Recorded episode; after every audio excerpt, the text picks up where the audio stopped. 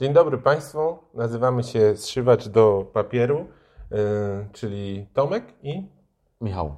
No właśnie, będziemy rozmawiać o książkach. Zobaczymy, jak nam to pójdzie. Mam nadzieję, że będziemy mówić rzeczy jakieś mądre.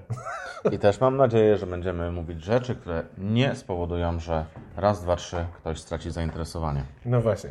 To z- zaczniemy od razu, bo nie będziemy za dużo o sobie gadać tutaj. To przejdźmy do tego, co przyniósł dzisiaj nam yy, ze sobą Tomek. Dwie książki. E, tak, e, dzisiaj przyniosłem e, książki, które przeczytałem już jakiś czas temu i z racji tego, że przyjrzałem się im powtórnie, udało mi się zrzucić z siebie taką, taką e, przygniatającą aurą bardzo dobrego pierwszego wejrzenia i mogłem przyjrzeć im się drugi raz nieco bardziej uważnie i chyba nieco bardziej obiektywnie, e, co nie znaczy oczywiście, że straciłem do nich wszelkiego rodzaju sentymenty i że one przestały mi się nagle podobać, albo że zacząłem dostrzegać ich mankamenty. Odwrotnie, te książki, e, które już parę lat stoją na mojej półce, e, na moich półkach z, z, poezją przede wszystkim, te książki całkiem nieźle zniosły próbę takiego mojego wewnętrznego, czytelniczego czasu. To znaczy, mogę do nich wrócić i nie czuję, nie czuję efektu znużenia, albo, taki, albo wciąż jest efekt zaskoczenia, że to jest ciągle,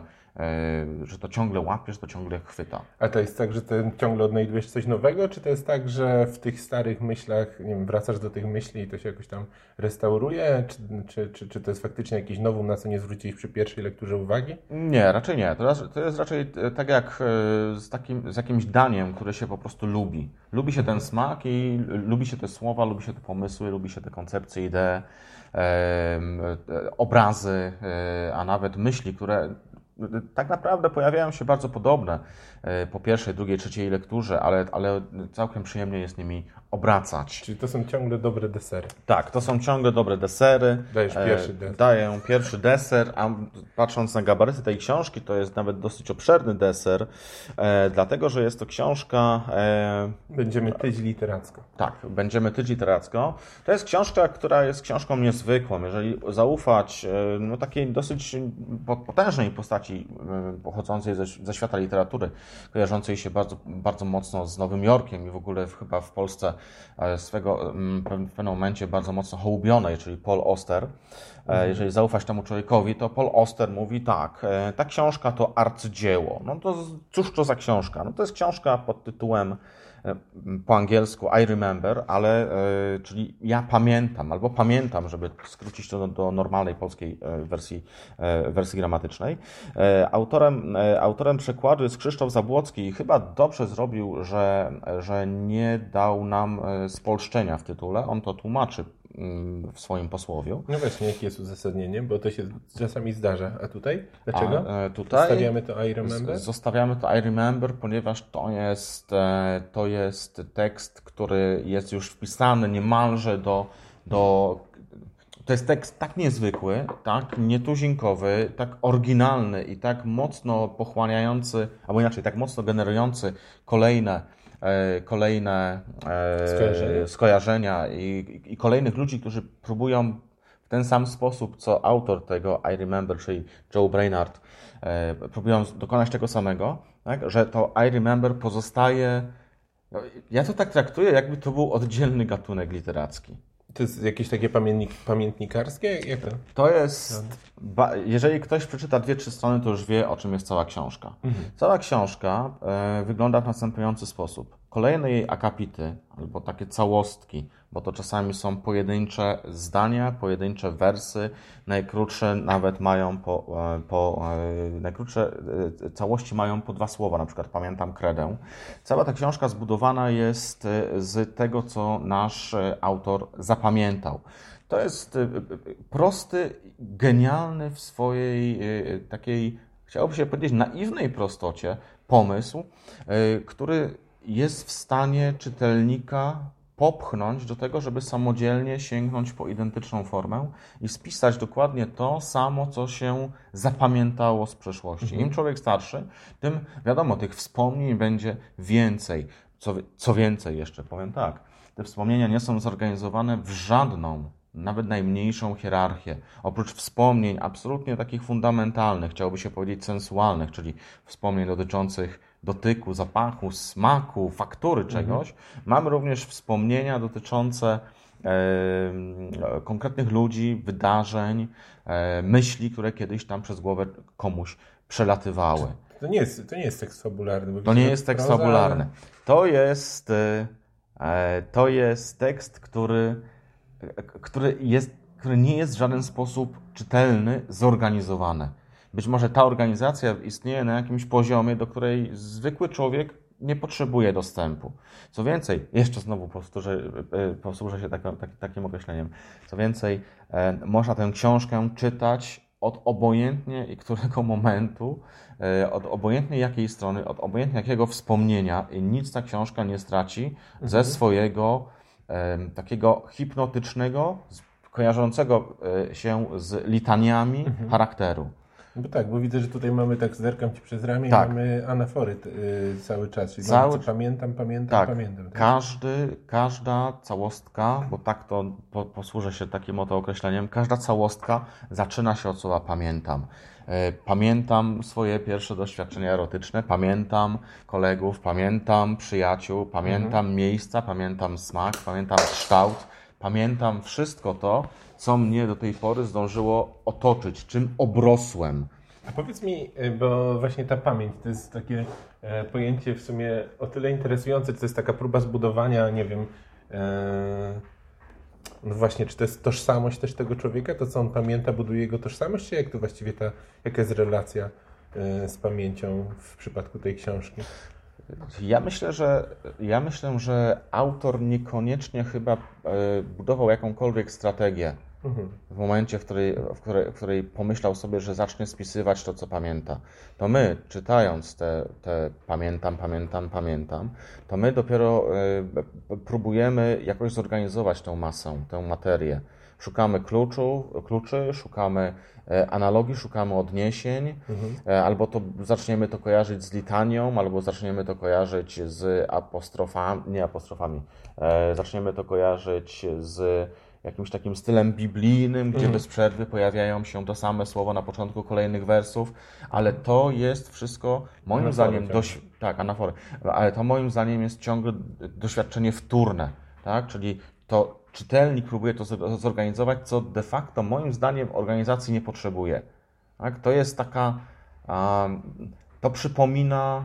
człowie- Kontakt z tą książką przypomina, e, e, przypomina sytuację, w której człowiekowi wysypuje się na głowę kilkadziesiąt tysięcy e, kilogramów konfetti. Tego, nie, tego nie zmiażdży. E, On to może chwytać, e,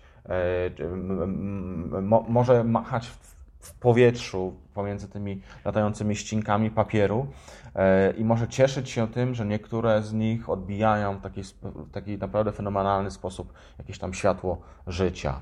E, Wystarczy naprawdę otworzyć na obojętnie której stroniczce i posłuchać na przykład takie o.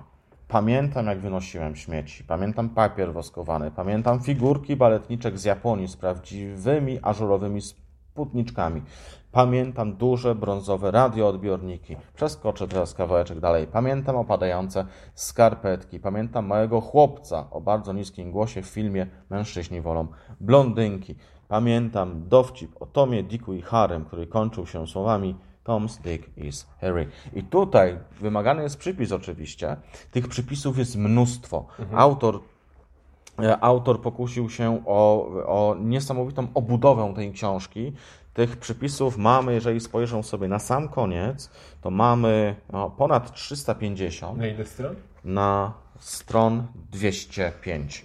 Więc tak naprawdę te przypisy budują nam również pewnego rodzaju e, niespodziewaną wiedzę na temat Stanów Zjednoczonych e, drugiej połowy XX wieku. Autor urodził się, Joe Brainard urodził się w 1942 roku i powiedzmy, że kilka lat później do, e, ju- już był obdarzony świadomością, która pozwalała mu rejestrować rzeczywistość. I ta pamięć, która, w której kłębią się w żaden sposób niezorganizowane elementy świata, z którym był zapoznawany albo w który sam wchodził.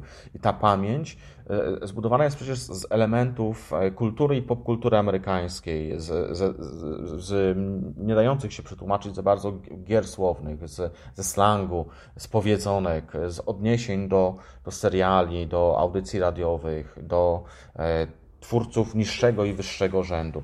I to wszystko też gdzieś tam, gdzieś tam wchłaniamy w, w, w siebie za sprawą E, lektury, bądź co bądź, ale też fascynujących przypisów, które pozwalają zbudować taki wszechświat o wiele chyba bardziej wiarygodny niż wszystko to, e, albo większość tego, co by się chciało czytać w takiej literaturze e, poważnej, pisanej przez Amerykanów w tamtym czasie. Czy właściwie tutaj też takiej chronologicznej jakiejś konsekwencji nie ma? To nie jest hmm. tak, że to jest od najstarszego nie. wspomnienia do... Nie.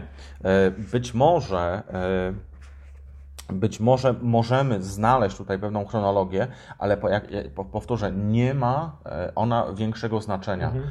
Pierwszy wpis brzmi tak. Pamiętam, jak po raz pierwszy otrzymałem list z napisem na kopercie po pięciu dniach zwrócić do. Pomyślałem, że po upływie pięciu dni powinienem odesłać list do nadawcy. I tak naprawdę nie wiemy, czy, czy, czy to jest wspomnienie pierwsze, jakie kiedykolwiek zarejestrował mhm. ten nasz e, autor, ponieważ musiał już umieć czytać, prawda, mhm. skoro taki napis otrzymał, więc... Czyli mało pamiętnikarskie. Mało znaczy... to jest pamiętnikarskie, to jest trochę o samym budowaniu świadomości w człowieku chyba. E, też. Ja bym to jeszcze porównał do jakiegoś takiego, jakiejś takiej, jakiegoś takiego dziwnego gatunku czegoś z pograniczy sylwy. Mhm. że tam po prostu pakujesz wszystko, dokładnie mhm. pakujesz wszystko to, co chwyciłeś po drodze swojego życia. Czyli z jednej strony bardzo otwarta, ale z drugiej strony zamknięta, bo dotycząca jednego umysłu. E... Właściwie jednego pamiętania. Jednej... Narrator jest jeden. Jakby narrator jest jeden. Narrator jest jeden. Yy, I czy to jest zamknięte? Być może tak, ale to jest na tyle pojemne, że bardzo wielu ludzi się w tym odnajduje. To znaczy, możesz sobie, będąc oczywiście być może rówieśnikiem autora i dzieląc te podobne doświadczenia generacyjne, możesz sobie powiedzieć: Aha, ja też to pamiętam. Ja też miałem takie radio w domu, ja też miałem podobny telefon w domu, ja też miałem podobne doświadczenia e, z kinami dla dorosłych, ja też miałem podobne doświadczenia z, e, z maszynami, które sprzedawały prezerwatywy na stacjach benzynowych. Więc być może to jest na tyle, być może to jest faktycznie zamknięte, ponieważ to jest jeden umysł, który to wszystko ogarnia i potem z siebie wyrzuca, ale z drugiej strony to, jest, to są doświadczenia takie bliskie ziemi, takie e, najczęściej zbudowany wokół, e, wokół mm, takiego e, bardzo biologicznego życia istoty obdarzonej świadomością, potrafiącej rejestrować upływ czasu. Czy właściwie to jest tak z jednej strony Sylwa, jak mówisz, ale z drugiej strony ta, ta, ta anafora powracająca i tak dalej, te krótkie notki, to przybliża do jakiegoś takiego poematu właściwie rozciągniętego na 200 stron. Tak. Z ponad 300 przypisami. Tak. I teraz pytanie moje się rodzi zupełnie poważne, jako przyszłego czytelnika ewentualnego tej książki, bo nie znam jej absolutnie. Co spowoduje, że wytrzymam 300 stron, 200 stron? Że da się tak, czy tam coś jest interesującego? Co, co cię przytrzymało, żeby to czytałeś do końca? To pamiętam, pamiętam każde osobne, takie chaotyczne wspomnienia. E, no to, to jest jedna z, to jest chyba jedna z tajemnic tej książki.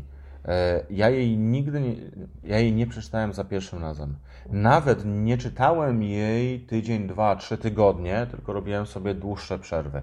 Zapominałem, co ciekawe, a tak nomen omen przy, pa, pamiętam, zapominałem, w którym miejscu kończyłem i zaczynałem czytać od miejsca, w którym wydawało mi się, że skończyłem lekturę, potem mi się przypominało, że faktycznie byłem już w tym miejscu i jechałem dalej. E, nie ma chyba jakiejś większej mobilizacji, żeby tę książkę przeczytać do końca. E, tym bardziej, że od samego początku wydawało mi się, że ta książka jest. E, nie, ta książka nie powstała po to, żeby ją czytać od początku do końca. Jeżeli człowiek jej nie przeczyta od początku do końca, to znaczy, że nie zwróciły mu się pieniądze za bilet. Nie, nie, nie. E, tę książkę nawet można czytać od końca do początku. Można ją sobie wozić przez całe lata, jeżdżąc komunikacją miejską i zatrzymywać się co jakiś czas na poszczególnych notkach. Nie ma tutaj, to, to nie jest powieść, to nawet nie jest poemat, który ma początek, środek i koniec. To jest taka, kłęb, ta, taka kłębiąca się, e, poszarpana na brzegach materia życia, do której możemy w każdej chwili, do której, do której w każdej chwili możemy się, możemy przyszyć jakoś swoją uwagę, w każdej chwili możemy się od niej odpróć, ale nie ma tutaj niczego, co by człowieka mogło albo zachęcić, albo zniechęcić. Ta książka tak, w taki przedziwny sposób zachowuje swój obiektywizm wo, wo, wobec czytelnika. Z jednej, strony, z jednej strony może mówić, przeczytaj mnie, ale z drugiej strony może powiedzieć, ty też swoje pamiętasz, więc mhm. sobie napisz swoje, to co pamiętasz. Ta książka, jak czytam w posłowiu, ta książka stała się wydarzeniem literackim, była wydawana w bardzo wielu poważnych, przez bardzo wiele poważnych instytucji i bardzo wiele, hmm, nazwijmy to klubów literackich albo klubów książkowych, traktowało tę książkę jako, jako e, taką trampolinę, od, na, od, której się można odbić, żeby samodzielnie coś takiego stworzyć. Ponieważ e, nawet ktoś, kto nigdy nie zajmował się pisaniem, nigdy, e, mógłby pokusić się o dopisanie kilkunastu, kilkudziesięciu swoich własnych pamiętam, pamiętam, pamiętam to nie ma y, takiej tradycyjnej wartości literackiej, jeżeli chodzi o metafory, epitety, porównania, mhm. ukształtowanie odświętne języka. Stąd też trudno myśleć o tym jako o takiej tradycyjnej poezji. E, jest to na pewno e, eksperyment, ale eksperyment, do którego dostęp mogą mieć ludzie niewtajemniczeni. Mhm. Czyli, czyli można należeć do tej sfery profanum, tak? I, i, i, i można się nie obawiać, że, że, że ta książka nas do siebie nie wpuści. Czy to nie jest, nie jest gatunkowa, ale jednocześnie nie jest, nie jest y, dla jakichś ezoterycznych klubów? Nie, nie, nie.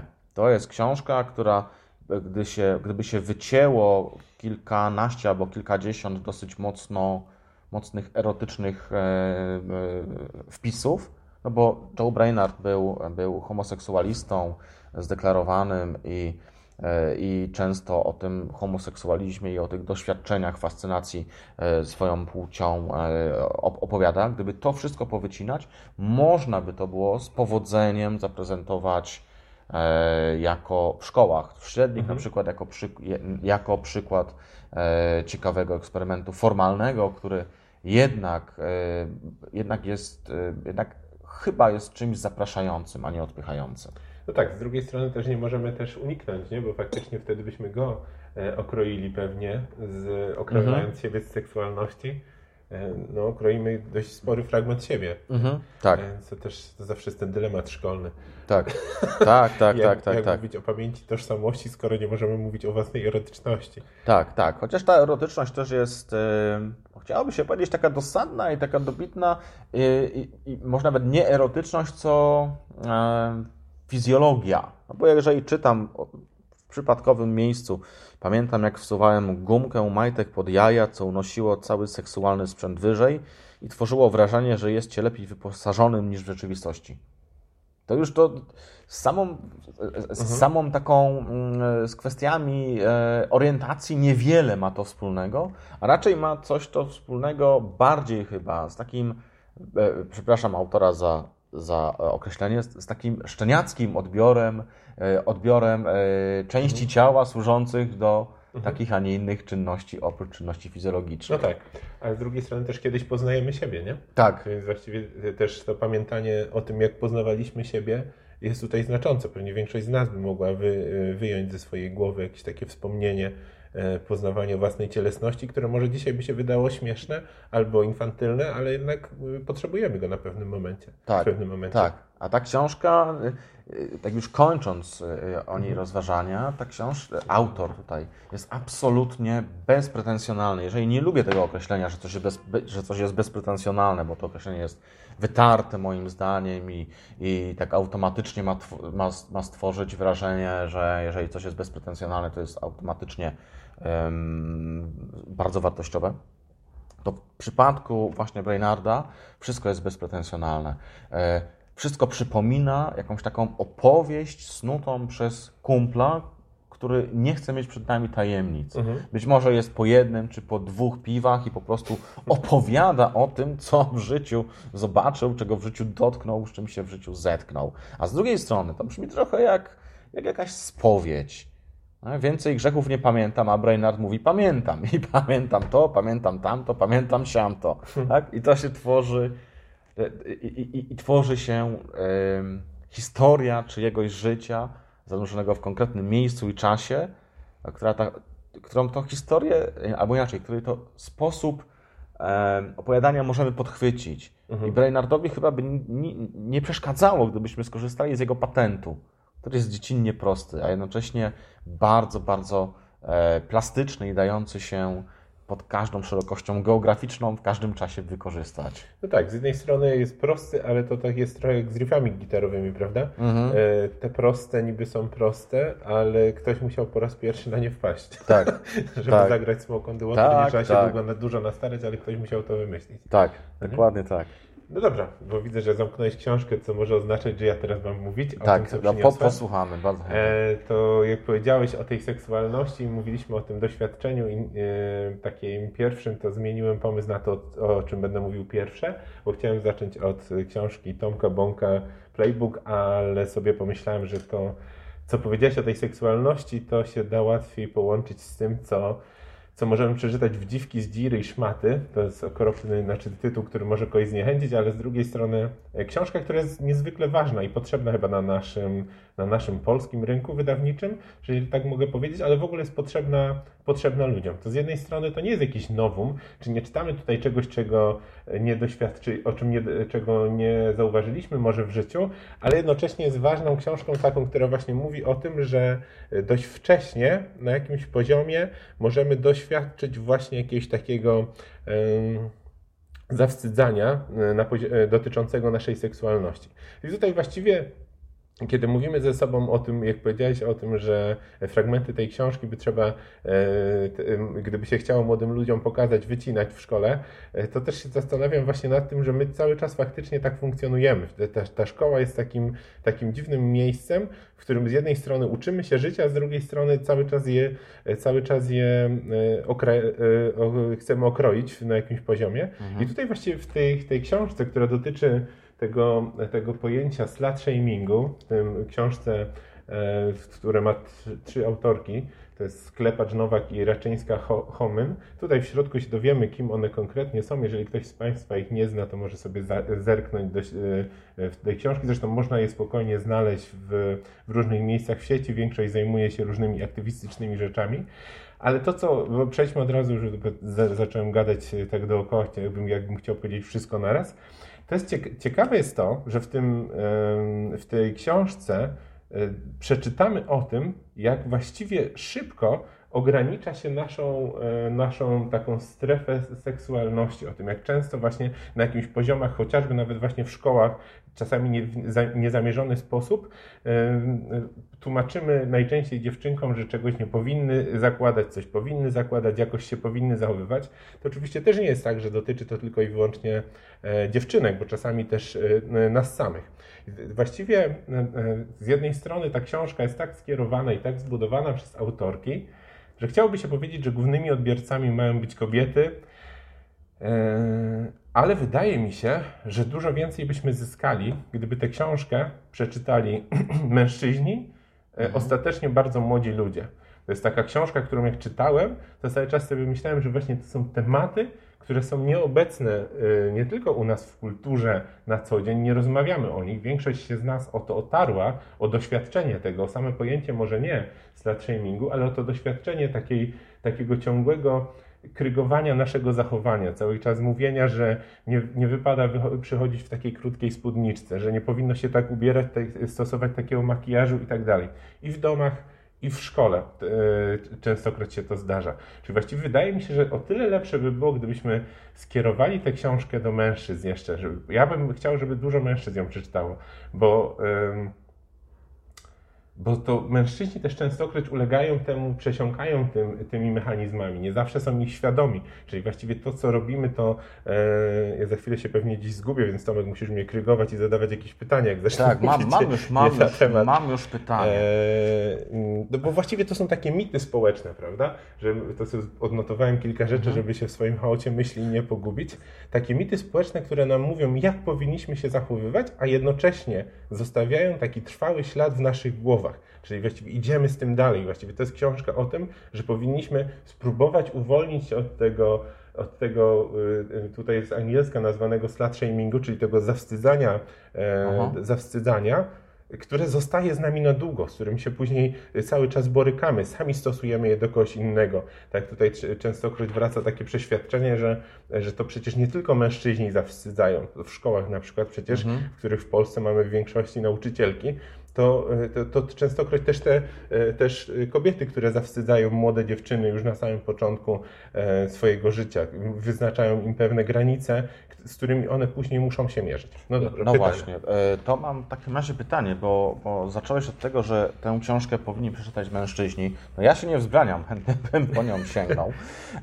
Natomiast właśnie, czy tutaj jest jakaś, czy tutaj, czy tutaj, czy tutaj wina rozkłada się na, na mężczyzn i kobiety. Mhm. Czy, czy raczej to jest problem społeczny, czy to jest problem związany z tym, że kobiety zawstydzają kobiety, mężczyźni zawstydzają kobiety? Czy to jest mhm. jednak problem społeczny, społeczny bez y, różnicy, czy, czy e, sprawcami tego zawstydzania są takie płcie czy takie płcie? Wydaje mi się, że udaje się autorkom i, i osobom, z którymi też robią w trakcie wywiady, bo ta książka ma taką budowę, że z jednej strony mamy takie eseistyczne trochę wypowiedzi mhm. E, autorek, później mamy wywiady z różnymi osobami e, związanymi z tą tematyką jakąś, albo terapeutami, e, albo kimś, kto się właściwie tą tematyką zajmuje artystycznie. I tu właściwie ta wina się nie rozkłada, jeżeli chodzi o płeć. To wiadomo, że e, w ten sposób się nie da zrobić. Ja sobie nawet zanotowałem gdzieś taki cytat. Nie chciałbym przestrzelić tego cytatu, więc postaram się go e, znaleźć. I tutaj właśnie e, mam, jest wywiad z Zofią Krawiec, artystką, która między innymi na swoich, w swoich pracach pokazuje e, no, nagość kobiecą, byśmy mogli bardzo ogólnie powiedzieć, pojawiają się waginy i tak dalej. Mhm. I teraz e, ona w pewnym momencie mówi tak. Wraca do tego słynnego cytatu właśnie patriarchat nie ma płci, po czym mówi, gdy rozpoczęłam pracę nad moim instagramowym projektem, byłam przygotowana na krytykę ze strony facetów. Tymczasem ogromnym zdziwieniem i bolesnym ciosem było dla mnie to, że krytyka w pierwszej kolejności pojawiła się ze strony kobiet, między innymi ze strony lewicowego grona feministek. I to w ogóle jest właśnie e, książka o tym, która uświadamia nam, że właściwie samo, samo chowanie się za jakimiś właśnie e, z jednej strony izmami, z drugiej strony jakieś chowanie się za swoją płcią nie, nie powoduje, że, że to przyzwyczajenie społeczne, które na nas ciąży od dawna znika, że jakby nie, to nie jest tak, że nagle e, ktoś, właśnie tutaj nawet telewizowe feministki, które wspomina um, autorka tych prac, też ją krytykowały, czyli właściwie to taki, takie miejsce, w którym, z którym mamy problem chyba jako całe społeczeństwo, czyli to, ta nasza seksualność, która, e, która nie pozwala się, nie, nie umie się z tego wszystkiego mhm. wyzwolić. A czy ty byś w, tym, w tej książce byś widział jakąś taką kontynuację, wybacz, że tak w taki szkolny mhm. sposób pojadę, ale jakąś taką kontynuację emancypacyjnych projektów, nie wiem, pozytywistycznych na przykład? Czy to jest jakiś tak. krok dalej? Mm, nie wiem, czy Albo jest... czy w bok na przykład? Yy, to pewnie prędzej już dalej, bo tutaj nawet w pewnym momencie pojawia się taki zarys historyczny e, w ogóle samego tego e, zawstydzania, mhm. ale to nie jest tylko tak pokazane no właśnie na takiej zasadzie że od dawna mężczyźni e, chcieli mieć władzę nad kobietami, chociaż o tym też się wspomina, że jednak takie zawstydzanie e, i taka kontrola seksualności na różnych poziomach, łącznie z tymi cytatami dotyczącymi tego, że, że po co kobiecie łechtaczka, skoro to jest narząd, który służy tylko i wyłącznie do przyjemności kobiecej, to są cytaty z z jakichś tam historycznych postaci. Mhm. Ja osobą pamięć do, nazw, do nazwisk z historii, więc nie będę tutaj mówił kto, nie chcę się teraz mhm. szukać. W każdym razie to nie jest nie tylko to. Wspominane są polskie, e, polskie te e, Polki, które e, ten ruch emancypacyjny już wcześniej faktycznie podejmowały. To, to jest też tak właściwie faktycznie, jak już o tym mówisz, to ty akurat jesteś nauczycielem w liceum, więc pewnie więcej nawet o tym, e, o tym gdzieś tam wiesz, jak to funkcjonuje na poziomie takiej szkoły średniej, ale wydaje mi się, że trochę zaniedbujemy, prawda? Że to jest trochę tak, że jest ten ruch emancypacyjny, wspominaniem e, się o nim w jakiejś notatce, ale właściwie on chyba jest mało reprezentowany przez, e, przez wybrane przez tam na poziomie ministerialnym książki. Tak, jak to wygląda właśnie? jeszcze przede, przede wszystkim jest ten ruch emancypacyjny, no jest przede wszystkim E, prześwietlone przez takie promienie albo ekonomii, to znaczy, że kobiety powinny pracować, albo nie powinny pracować, albo powinny utrzymywać się samodzielnie. E, I też przez takie promienie e, czystej polityki, czyli prawa wyborcze i możliwość decydowania o, o, o obliczu społeczeństwa. Ale biologizm zostaje zupełnie pominięty. Nie ma mhm. tutaj, e, e, przynajmniej na poziomie szkoły średniej, nie ma tutaj kwestii związanych z właśnie e, z, z mm, cielesnością, z, biologi, z, z biolo, biologią, z biologizmem. Mhm. Na pocieszenie chociaż to marne pocieszenie, mogę powiedzieć, że nie ma ani, ani, ani ciał kobiet, ani ciał mężczyzn. Mhm. Z reguły to się, wszystko, e, to się wszystko zamyka w trzech, czterech tekstach, które faktycznie mogą E, mogą zbudować jakąś namiastkę dyskusji na temat e, cielesności. Już e, hmm, może za, dałoby się zacząć od nieśmiertelnego przerwy Tetmajera i Lubię kiedy kobieta. Mhm. I tutaj ten, ten obraz kobiecego ciała jako takiej materii, która jest modelowana przez, przez mężczyznę, E, e, być może nawet tresowana, e, jest niezłym, niezłym punktem wyjścia. Aczkolwiek ostatnio, co zadziwiające, po raz pierwszy chyba w swojej karierze nauczycielskiej słyszałem o tym, że jeden z uczniów się oburzył na ten utwór. Z reguły ta biologiczność... Na Tetmajera? Na Tetmajera, na Lubię Kiedy Kobieta, tak?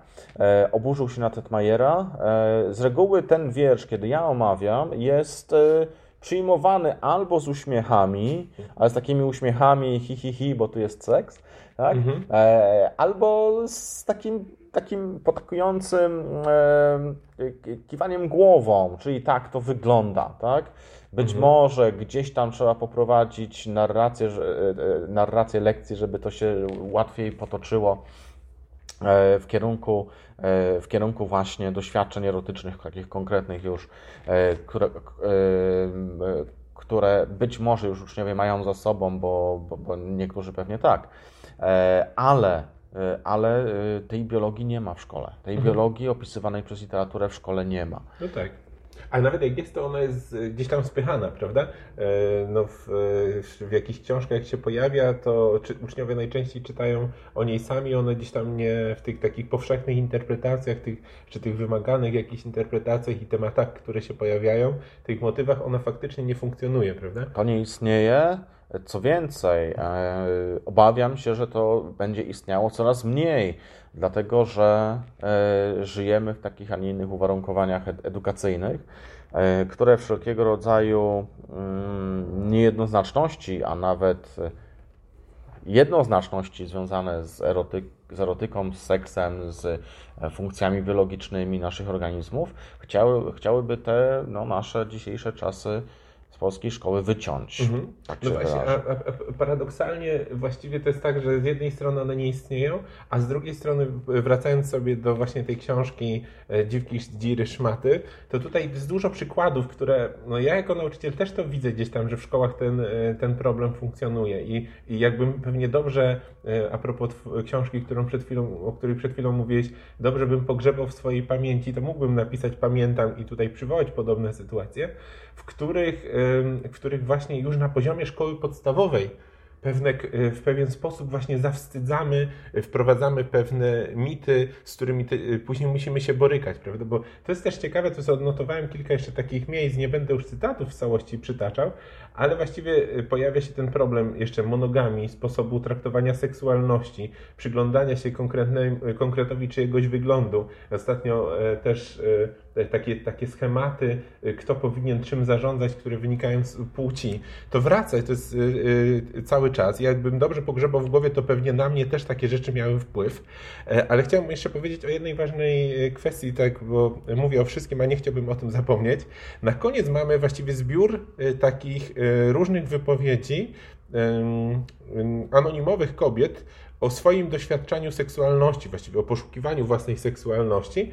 I to jest ciekawe, że właśnie tacy, w, uczymy poprzez takie właśnie wprowadzanie jakiegoś schematu, tego, że częstokroć trudno odnajduje się tym kobietom tą własną seksualność, że to wprowadzenie tego takiego y, jedynego, jedynego możliwego schematu, to o czym mówiłeś, że niedługo w szkołach tego nie będzie, a chociażby z tej książki i pewnie z naszych doświadczeń podobnie, wynika, że w domu też tego trudno szukać zrozumienia dla, dla różnego rodzaju odmienności, powiedzmy, czy na przykład wy, wyróżniania się.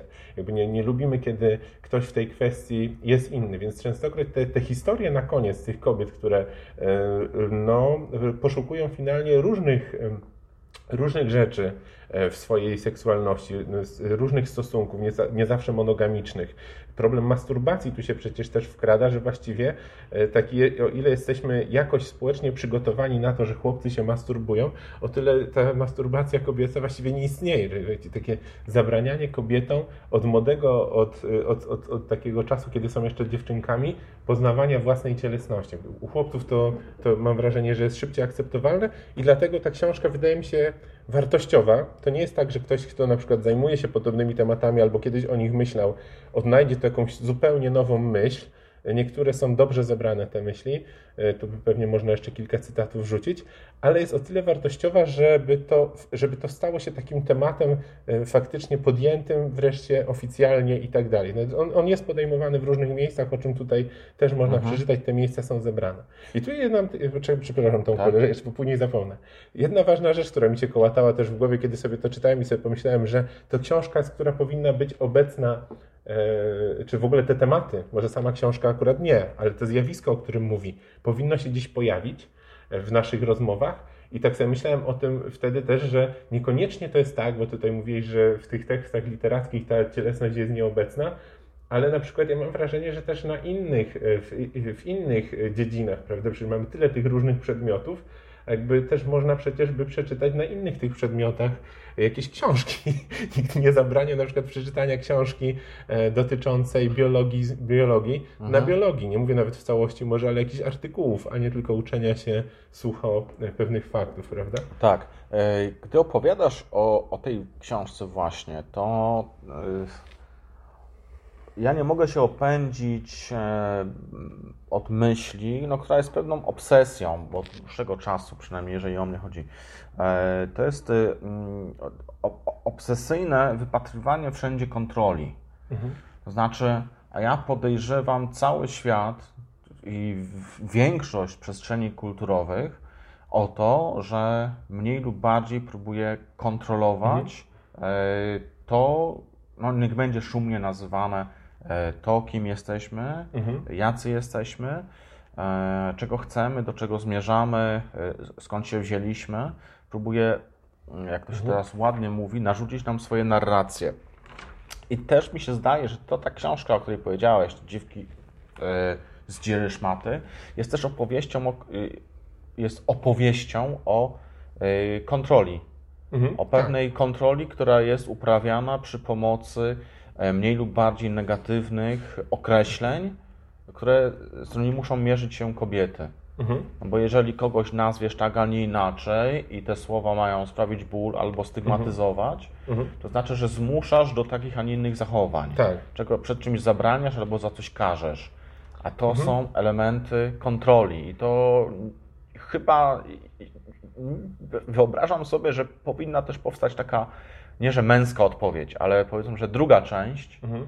takiej książki, być może z granatową okładką, żeby się jakoś odróżniała. Ta ma czerwoną. Ta tak, ta ma czerwoną, z granatową okładką, żeby było właśnie, że a, o, pra, że właśnie, że prawdziwy mężczyzna jest taki, prawdziwy mhm. mężczyzna jest taki, prawdziwy mężczyzna jest mhm. taki, nie bądź, e, nie bądź mięczakiem, nie bądź, tam dam cudzysłów teraz, nie bądź pedałem, nie bądź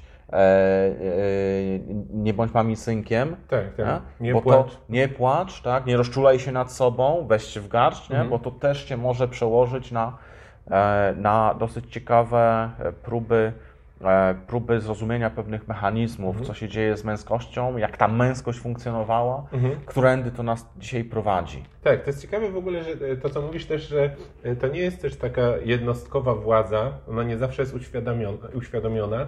Ciekawy jest też ten mechanizm takiej kontroli w ogóle z tego poziomu samego języka, prawda? Z jednej strony potrzebujemy go chcemy nazywać, chcemy coś uogólniać, żeby móc w ogóle mm, sobie z nim radzić, z tą rzeczywistością, która nas otacza, żeby coś ponazywać, ale z drugiej strony czasami nam się to wymyka i te nazwy zaczynają faktycznie nas jakoś tam kontrolować, czyli wprowadzamy ten jakiś podział i to mam wrażenie, że język nam robi, e, z jednej strony jest bardzo przydatny, nie dalibyśmy mhm. sobie bez niego no rady, no tak. a z drugiej strony jest bardzo taki ograniczający, czyli jego możliwości danego języka, którym się posługujemy, nas ograniczają prawie jak u Wittgensteina, że jest to jakaś taka kontrola świata, nie? że ta, ta, granica tego świata w tym naszym języku faktycznie tkwi. E, nie chciałbym tutaj się odwoływać zupełnie do Wittgensteina, ale, e, ale coś, coś takiego jest. A propos tego jeszcze, co powiedziałeś o tym byciu sobą, tu w jednym z wywiadów e, z Aleksandrą Józefowską mamy taki cytat, właśnie ona mówi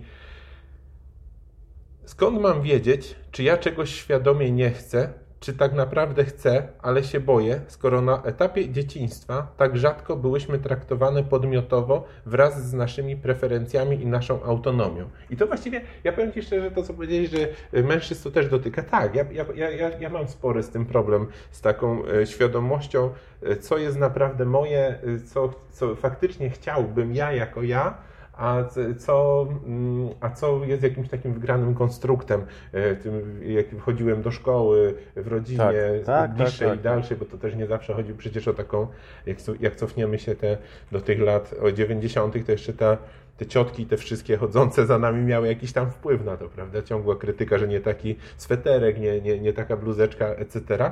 E, przypuszczam, że niestety z jednej strony masz rację, że mężczyzn to też dotyka, Chociaż jak tak, jako nauczyciel powiem Ci, że to jest częstsze w stronę e, dziewczyn, czyli ta, ta, ta, kontrola faktycznie, e, jak tak sobie widzę, jak widzę pewne zachowania na poziomie szkoły, to wydaje mi się, że częściej, częściej e, póki co, mogę Cię mylić, bo też nie robimy jakichś badań, tylko, tylko obserwacyjnie, to, to z anegdoty możemy powiedzieć, mhm. więc nie jest to jakiś naukowy wniosek, ale gdzieś ten dotyka częściej, e, częściej dziewczyn i taki, taki, taki dialog społeczny też, ale to, to, to Być może jest wyraźniejsze po prostu. No tak.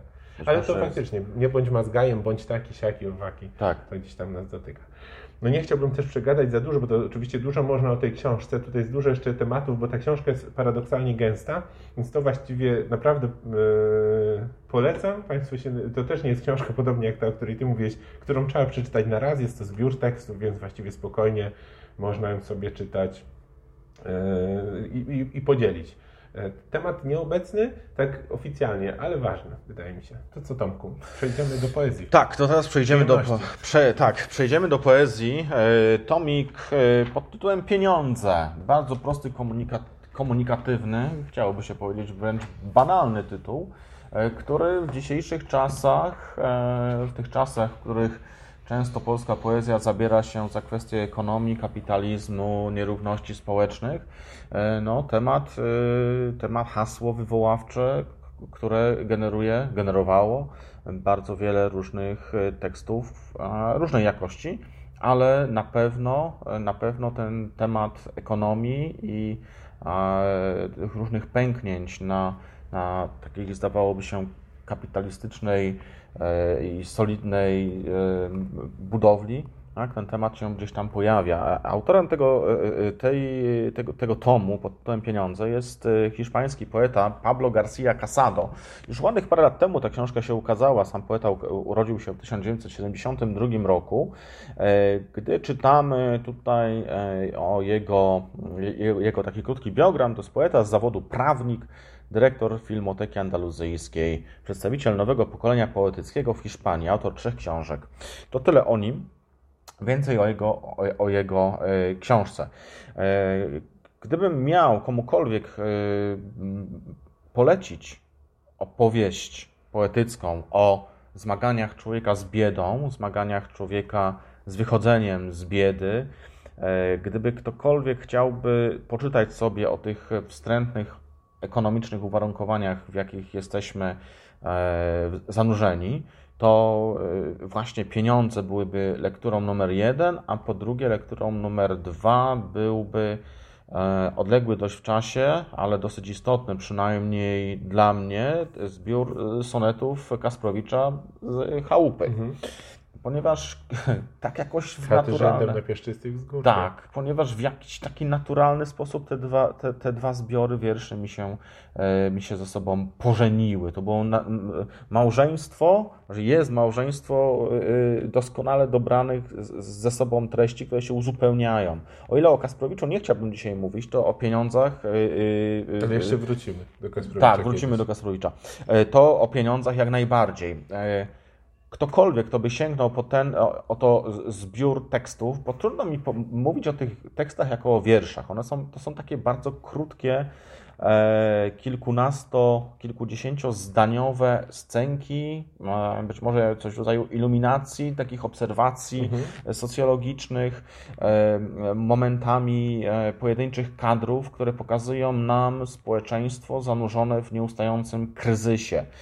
Ja pamiętam bodajże z 8 czy 10 lat temu e, Europę, właśnie e, Europę zaczynał, tworzenie Europy, ekonomicznej stabilności Europy zaczynał podcinać, e, zaczynały podcinać pierwsze wielkie fale kryzysu i tutaj Hiszpania wbrew pozorom i wbrew takiej chyba takiej iluzji, którą mamy na temat, albo pielęgnujemy na temat krajów Europy Zachodniej, to Hiszpania została bardzo mocno poharatana. Tam, e, o ile dobrze pamiętam dane, można je sprawdzić, ale w 2012 roku, 2013 roku e, około 20, 25% młodych ludzi nie miało pracy. Mhm. Więc e, bieda zaglądała ludziom naprawdę głęboko w oczy. I tutaj Pablo García Casado przygląda się ludziom, pojedynczym jednostkom, którym albo się nie udało, albo rzadko kiedy coś się udało i mogą sobie i mogą się pozamykać w swoich czterech ścianach spłacanych mieszkań albo e, już wykupionych posiadłościach i cieszyć się tą namiastką E, zwykłego, e, udanego życia, które gwarantują im tytułowe pieniądze. Dla mnie jednym z najbardziej wstrząsających tekstów, pozwolę sobie go przeczytać cał, e, całym, tak, to jest wiersz pod tytułem Zimne drzwi E, nie trzeba nawet śledzić wzrokiem tego tekstu, żeby wiedzieć o co w nim chodzi, a że jest to wiersz również o książkach, to jesteśmy nie, nie ma, niejako w temacie. Autotematycznie. Tak, i to jeszcze, e, jeszcze nagrywamy tę rozmowę w sobotę, a zaczyna się właśnie od soboty ten wiersz. O, to wszystko się zgadza. Drzwi sobotniego poranka otwierają się na świat szlafroków i kapci, psów, które ujadają, wybiegają na ulicę.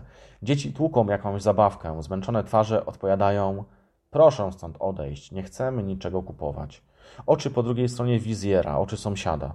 Ale są drzwi, za których czuć zapach kawy i słychać radio, prostą muzykę, piosenkę o dobrych uczuciach.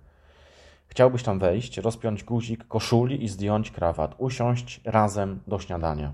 Słyszysz, jak woda z prysznica uderza o ciało. Ale te drzwi zamykają się tak samo jak inne, uprzejmie, ale na dobre. Przykro mi, mamy już dużo książek. Więc mamy opowieść z życia jakiegoś komiwojażera, kogoś, kto handluje książkami, kogoś, kto te książki chce okrąć. Powiedzmy, że symbolizują tutaj te książki jakąś taką, albo nie, niech będzie kulturę wysoką, albo w mhm. ogóle jakiś, jakiś towar, który można spieniężyć, żeby przeżyć mhm. kolejny tydzień, być może miesiąc. I dla mnie wstrząsające, wstrząsające jest doznanie tego, że gdzieś tam za ścianą, za tymi drzwiami mieszkają dobrzy ludzie, ale oni już niczego nie mogą nikomu dać więcej niż kiedykolwiek mm. dali. Nie potrzebują już niczego więcej. Ta, ta e ekonomia nawet. E, ekonomia zabiera nawet tym dobrym ludziom możliwość pomocy, ponieważ nie potrzebują nikogo od niczego kupować. Tak? Mhm. A e, a ten człowiek, który odwraca się od tych drzwi, fantazjując sobie na temat tego, że usiądzie do wspólnego śniadania z rodziną, którą, której de facto się coś udało, tak? to, to ten człowiek jest dla mnie przynajmniej takim wielkim wykrzyknikiem, znakiem ostrzegawczym. Bo tak naprawdę nie chciałbym tak skończyć. Tak? Wolałbym mhm. być za tymi drzwiami. I czytelnik tych wierszy mówi sobie, e, zostaje chyba w jakiś sposób zawstydzony, bo czyta o tych ludziach, o tych wrakach, którym się nie udało, o tych nieszczęśnikach, którzy muszą błąkać się po parkingach, szukając, szukając swojego samochodu, żeby wrócić po 12 godzinach do domu. Kiedy czyta o tych ludziach, którzy są biedni, walczą o, o związanie końca z końcem, czyta o nich, mówi sobie, żeby mnie tylko nie spotkało to, co spotkało ich. Generalnie czuje, chcielibyśmy czuć wspólnotę jakąś z, z, z ludźmi, o których czytamy, z ludźmi, którzy którzy zasługują na współczucie. No tak. Ale, ale my nie chcemy im współczuć. Albo inaczej, my, się, my byśmy chcieli współczuć, ale na odległość, żeby nie daj Boże e, ta empatia mhm. nie wywołała wilka z lasu, żebyśmy nie, nie poczuli na własnej skórze, jak to jest. Łatwiej nam rozmawiać pewnie o biedzie, które, y, która jest na drugim końcu świata i nie musimy się w nią angażować, niż o biedzie naszego sąsiada, któremu moglibyśmy pomóc. Tak, i to, to się zgadza. Wracając na chwilę, e, to o czym mówisz, to jest tekst mimo wszystko e, w sumie stosunkowo aktualny, e, prawda? No nie wiem jak tam u Ciebie, ale u mnie akwizycja, że tak powiem, ożywa. Tutaj się pojawiają od czasu do czasu ludzie i też taki, taki problem w ogóle kupowania rzeczy. To akurat jeszcze dobrze, to, że to zderzasz też z tym problemem książek faktycznie, znaczy zderzone jest już w tym tekście, że takiego pomagania poprzez kupowanie produktów danych osób, tylko jak długo, dużo jeszcze mogę kupić. Moje, tak. moje, moje miejsce na książki też już się kończy. A to teraz sobie przypomnijmy sobie tych wszystkich rolników, którzy desperacko próbują walczyć z tymi mhm. wielkimi sieciami i organizują się w jakieś takie małe bastiony oporu i na przykład oferują mhm. świeże jabłka z dostawą do domu. No tylko mhm. ile zjesz tych jabłek, prawda? Mhm. No tak. No nie kupisz 20 kilo jabłek, bo ci zdążą zepsuć. Tak. E, no to jest jakiś e, taki problem współczesny, pewnie, e, pewnie ciągle wraca, ciągle jakiś taki problem posiadania, no właśnie też z jednej strony też problem przestrzeni, a z drugiej strony ten, to zderzenie z tą no, książką, która jako, symbolu, jako symbol kultury wysokiej, jednocześnie jako zwykłego towaru, tak. można porównać z, z, jab, z jabłkami albo z, z czymś innym. To smutne. No tak, to nie dodałeś, że ta książka, którą trzymasz w ręce, to jest książka dwujęzyczna. Tak, to jest książka dwujęzyczna. E, z prawej strony mamy hiszpańskie, oryginalne wersje oczywiście. Nie znam języka hiszpańskiego, nie będę się wygłupiał, nie będę czy... udawał, że czytam po hiszpańsku. Musisz przeczytać tytuł. E, Binero. Binero, tak. Nawet nie wiem, czy dobrze akcentuję to, to, to słowo, bo to też faktycznie może być zupełnie e, inaczej wyakcentowane. Mhm. Wiem, że drugą książką, o której będziesz opowiadał, jest książka, która jest bardzo silnie związana ze sportem sportem. Mhm. Tak, to tutaj mamy też wiersz związany ze sportem, mhm. wiersz pod tytułem Bestia. No dawaj. E, grał twardo, zawsze na granicy przepisów. Poza tą linią zaczyna się zarabiać na chleb dla, twoich, dla moich dzieci. Kibice oklaskiwali jego wejścia, to męski sport, mówili w szatni. Rujnował kariery młodych napastników. Teraz mieszka w spokojnej dzielnicy, pracuje jako prezes w firmie doradczej i ma oszczędności. Fundusze inwestycyjne, lokaty, zmienna stopa zwrotu.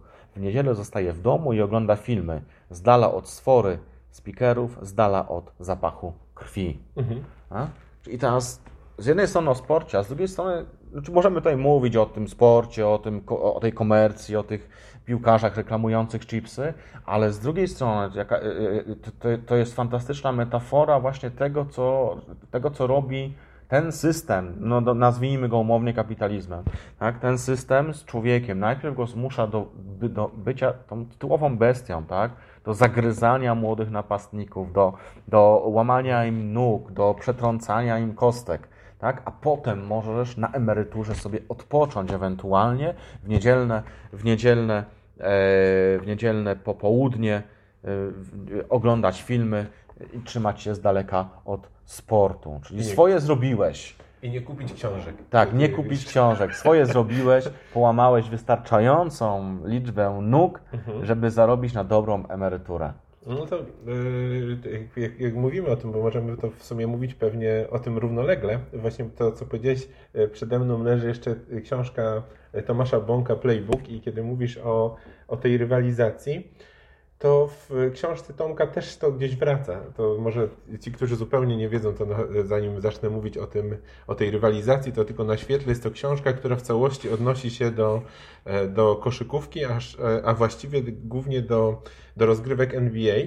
E, no, odnosi się też do poezji, ale faktycznie gdzieś w tych, w tych wierszach e, od czasu do czasu te różnego rodzaju e, rywalizacje między tymi zawodnikami temu też się pojawiają. I to, to, to, właściwie jest jakiś problem sportu, prawda? I też naszej kultury, w sumie mówiąc szerzej, bo faktycznie uczymy tego, ten jakiś takiego brania udziału w wyścigu, ciągłego gonienia się, czyli właściwie nie stajemy się tą, taką, takim zbiorem jak te nasze wspomnienia, od których dzisiaj zacząłeś, ale, e, ale takim zbiorem, którym chcemy ciągle mieć taki e, porządek, który, który, który najłatwiej nam się ustawia poprzez segregację. Nie? Mhm. Że, że ten jest pierwszy, ten jest najlepszy, temu dajemy jakiś tytuł. Tu właśnie te tytuły, chociażby w NBA ciągłego tego MVP, y, ten zawodnik chce być tym. Tutaj długa, długa opowieść gdzieś tam chociażby o Michaelu Jordanie, który cały czas chce być uważany za, e, za, najlepszego, za najlepszego koszykarza wszechczasów to oczywiście teraz jest oczywiście pytanie, jak dużo e, w tych rzeczy, które tutaj przeczytamy, jest, e, jest tylko jakimś wyobrażeniem e, literackim, a jak dużo faktycznie odnosi się do rzeczywistości. Bo już złożyłeś tamtą książkę, ale może, może, że jeszcze do niej wrócimy na chwilę, mhm. ale zobaczymy, jak nam to zresztą ta rozmowa pójdzie.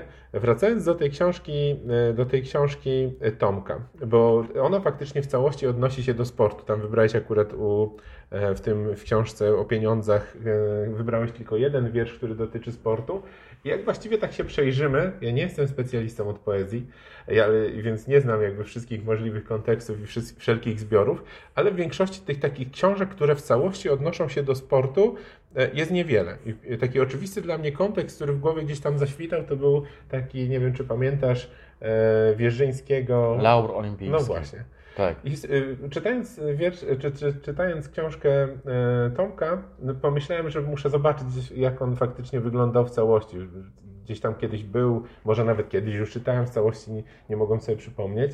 Tego nie pamiętam, czy, czy czytałem w całości. Przejrzałem go w całości i sobie pomyślałem, że Wierzyński, wtedy pewnie dość stosunkowo oryginalny, ale jednak popadł w całym tomie w taką, w taką manierę chwalenia tych kolejnych y, sportowców, czyli tego... Heroizacja tak, do potęgi. Oni są po prostu y, ucieleśnieniem takiego, faktycznie to słowo laur od razu powinno nam się ze starożytnością skojarzyć, bo tam są tacy herosi prawie, tak, prawda? Tak, Którzy tak, akurat tak. nie biją się z nikim, ale skaczą o tyczce albo o czymś.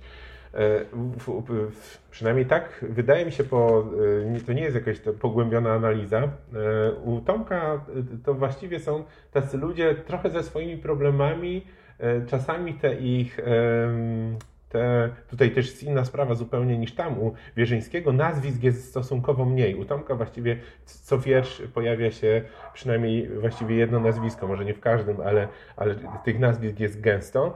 E, I właściwie to są faktycznie bardziej ludzie z krwi i kości, którzy mają e, swoje niespełnione ambicje częstokroć albo ulegają jakimś dziwnym emocjom. No i to jest z jednej strony to, co łączy to z, tym, z tą książką Pieniądze, o której wspomniałeś, czyli ta, ta, ta dziwna rywalizacja, to takie e, przyglądanie się z tym, e, tym sportowcom, mhm. ale z drugiej strony to, co, bo, bo, ktoś by teraz sobie mógł pomyśleć, że ta książka Tomka to jest tylko jakiś taki fikołek, że teraz oto Tomek, który ma już na, na, swoim, y, na swoim koncie docenione przez środowisko poetyckie książki, napisał sobie książkę o, o koszykarzach, czyli zrobił tak jak tutaj na okładce ktoś pisze literacki kosmiczny mecz ale Tomek chyba nie do końca ucieka od tematów, które podejmował dotychczas, czyli faktycznie to, co mówiłeś o, tych, o tej ekonomii i tak dalej. Wydaje mi się, że nie trzeba się specjalnie nawet wybitnie jakoś wczytywać, żeby to dostrzec. Te problemy, e, te problemy gdzieś prześwitują, czyli właściwie takiej e, gdzieś e, tego odbiorcy też te, te, tego sportu, patrzącego w jakimś, oglądającego te mecze w jakimś streamingu i przejmującego się, że ten streaming mu się kończy, to przyglądanie się tym bogatym koszykarzom, e, bo bogatym przecież do przesady częstokroć, prawda, e, jakimś takim tym reklamowym e, schematom, cały czas gdzieś, gdzieś te tematy wracają. Czyli to nie jest tak, że to się zupełnie skończyło, prawda? Nie, nie, nie, na pewno.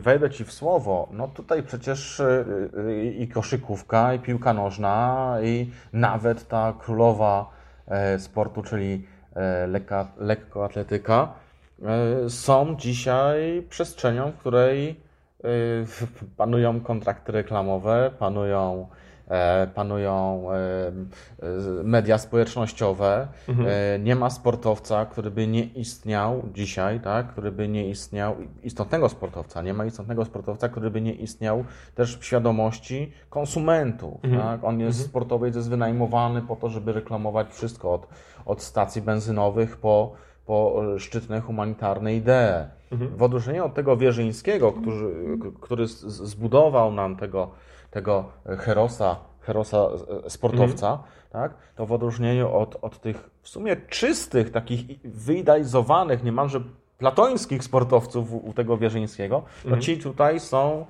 takimi y, konstrukcjami, które z jednej strony e, cieleśnie stanowią pewnego rodzaju punkt odniesienia dla, dla, tych, którzy chcą dbać o własną powierzchowność, a z drugiej strony też są symbolem tego sukcesu, E, zbudowanego na, e, na rozpoznawalności, na marce, tak? bo nazwiska też stają się, się markami, mhm. więc zupełnie, zupełnie, zupełnie coś innego się e, w tym lounge olimpijskim dzieje i coś innego się dzieje w tym sporcie współczesnym. No ale to są oczywiście, mhm. to nie są jakieś rozważania, do których trzeba filozofa zatrudnić, żeby to dostrzec. Tak?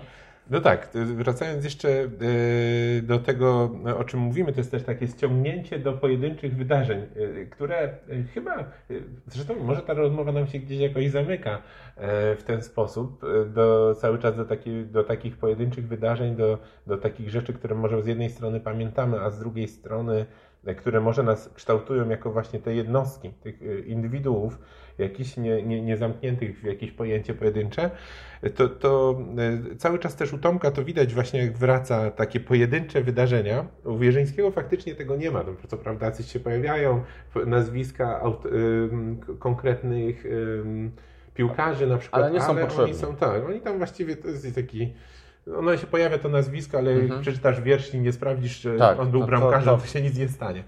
A tutaj y, pozwolę sobie na jedno miejsce zwrócić bezpośrednio uwagę. To mamy tak. E, tu jest fragment tekstu Tomka e, dotyczący pewnych wydarzeń, a później mamy przypis, tu jest sporo przypisów, o czym jeszcze za chwilę, i mamy przypis, który właśnie e, naświetla nam, do jakiego wydarzenia się ten, ten tekst odnosi. Tu mamy wyjaśnione, że doszło do jakiegoś konfliktu bezpośrednio na, w przepychance z udziałem zawodników Indiany Pacers i Detroit Pistons i w pewnym momencie, tutaj już czytam bezpośrednio z przypisu, jeden z tych koszykarzy Artest położył się na stole komentatorskim, czekając aż sytuacja się uspokoi. Wtedy został trafiony kubkiem z napojem. Wściekły zawodnik wbiegł na trybuny i zaczął szarpać kibica, który cisnął w niego przedmiotem. Za ten wybryk Artest został zawieszony przez władze NBA na 86 meczów i ukarany utratą wynagrodzenia w wysokości blisko pam, pam, pam, 5 milionów dolarów. Mecz nie został dokończony, a cała sytuacja przeszła do historii NBA jako Pacers Pistons Brawl. I teraz właściwie e, to jest też takie, ta książka, e, lektura jej, bo właściwie może sama książka, nie chciałbym mówić jaki jest jej zamysł, ale ta lektura jej e, to jest takie doświadczenie właśnie też takiego tej odległości tych światów. Z jednej strony to nie, to nie jest tylko odległość, że to się dzieje w Stanach Zjednoczonych, tylko jest taka odległość zupełna światów. 5 milionów dolarów straty no właśnie. I tu możemy to milczeniem otoczyć. Ja też, ja, ja, też sobie nie jestem w stanie wyobrazić, że ktoś pauzuje 86 tak, tak. tak spotkań, bo to mhm. jest.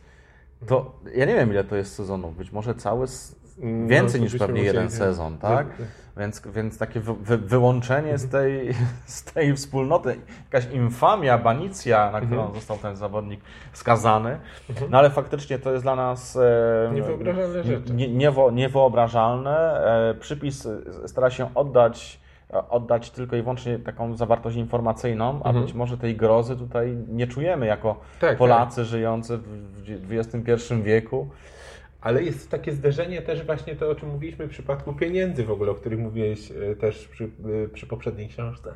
To jest e, jakiś też taki, czy tej właściwie w tym wierszu Bestia też przecież sportowym, to jest takie nakreślenie takiego świata, który jest nam trudno też z jednej strony objąć, prawda, umysłem. To jest jakby te, to jest ta odległość, która nie, nie jest tylko faktycznie geograficzna, ale też taka odległość zupełnie mówienia o zupełnie innych, o zupełnie innych faktach, prawda? Tak, Tym bardziej, gdy, gdy, e, gdy borykamy się z problemem e, nabywania mieszkań, mhm. tak powiem, i słyszymy, że, że jakiś tam czołowy napastnik takiego i takiego zespołu, takiego, takiego i takiego klubu może za, w ciągu dwóch dni zarobić na takie mieszkanie, o którym nasz tutaj zwykły Kowalski przyziemny może tylko pomyśleć, no to też te przestrzenie pomiędzy, pomiędzy ludźmi się bardzo mocno rozciągają. Mhm. Ekonomiczne, nawet takie przestrzenie postrzegania rzeczywistości, bo zupełnie w inny sposób postrzega świat ktoś, kto już sobie siedzi bezpiecznie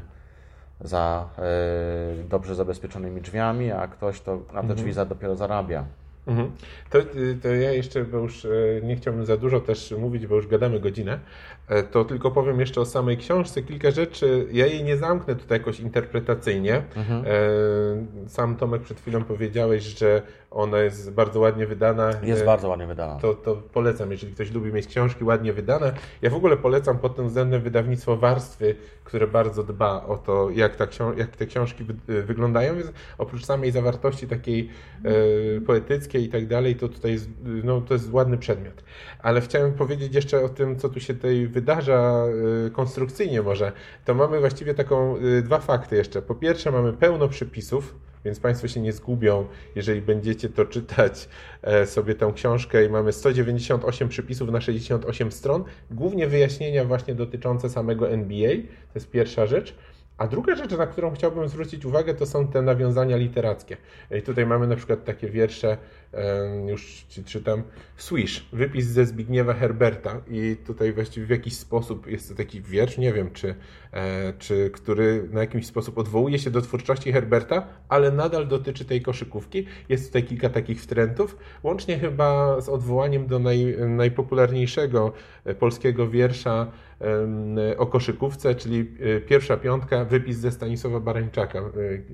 E, Barańczak w widokówce z tego świata taki mhm. wiersz popełnił o, Boston, e, o zespole Boston Celtics. No, warto by było do niego też wrócić. Przypisy niestety nie wyjaśniają nam, kto to jest Stanisław Barańczak, ale wyjaśniają nam właśnie głównie te zawiłości koszykarskie, więc odwołanie do polskiej poezji będziecie musieli sobie sprawdzić ale ekonomicznie, jak już jesteśmy przy tej ekonomii, o której mówiłeś, jest tutaj, tylko teraz zaraz się domagalski zgubi, a nie, już jestem. Opowieść wigilijna, wypis z Charlesa Dickensa. No i tu właściwie y, jesteśmy w domu, nie? To jest właśnie z jednej strony od razu wiemy opowieść wigilijna, czyli tak. będziemy rozmawiać o, o pewnych takich właśnie, y, o, no o pieniądzach będziemy mówić. I to jest dość długi tekst, bo składa się z kilku części. Odwołuje się z jednej strony do Charlesa Dickensa, a z drugiej strony cały czas, y, cały czas o, o NBA. Scottie Pippen to sześciokrotny, sześciokrotny mistrz NBA. E, a to właśnie o nim jest między innymi e, ten tekst. Także bardzo polecam. Ja nie chciałbym jak w żaden sposób zamykać e, interpretacyjnie. Nie jest to na pewno tylko fikołek literacki. Warto to, nie, warto nie. to zobaczyć. Jak o tym opowiadasz teraz, to ta książka ma wybitne walory również edukacyjne. Mhm. Dlatego, że ktoś, kto no, ewentualnie śledził w czasach swojej młodości jak ja tak. rozgrywki NBA transmitowane jeszcze przez telewizję polską, to mniej więcej się może orientować w tych zawiłościach, kto z kim, przeciwko mhm. komu e, i kto, kto gdzie jak rywalizował. Mhm. Natomiast ktoś, kto chce być w miarę na bieżąco z, z NBA, no może, może też się w niej odnaleźć za sprawą tych przypisów. O, to, to, to bardzo zachęcająco brzmi. To tak. Z drugiej strony też taki no kurczę, dobra rzecz to jest. No, warto to zobaczyć. To zakończę mówienie o tej książce ostatnimi słowami właśnie z, z, z całej książce, z tego wypisu ze Zbigniewa Herberta. Bądź wierny, swish. I to jest swish, przypomnę tylko, że to jest określenie dźwięku, jaki wydaje piłka wpadająca do kosza, tam przez siateczkę. Przez siatkę, tak, jak przelatuje. Tak. Upragniony dźwięk dzieciństwa. Tak. E, czy chciałbyś coś tam na sam koniec dodać, bo e, już powiedzieliśmy? Niczego nie chciałbym dodać o książkach, które albo ja opowiedziałem, a ani ty opowiedziałeś, ale czuję pewien czuję pewne zadowolenie, że udało nam się bardzo wiele różnych rzeczy e, zszyć z sobą, No tak.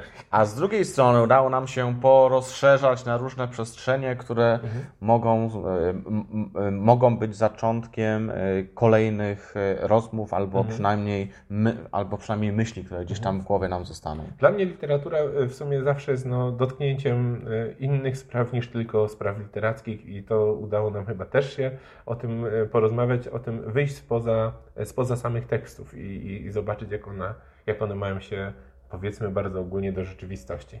To co, kończymy? Kończymy. Dzięki. Do Dziękujemy. usłyszenia, miejmy Do nadzieję. usłyszenia.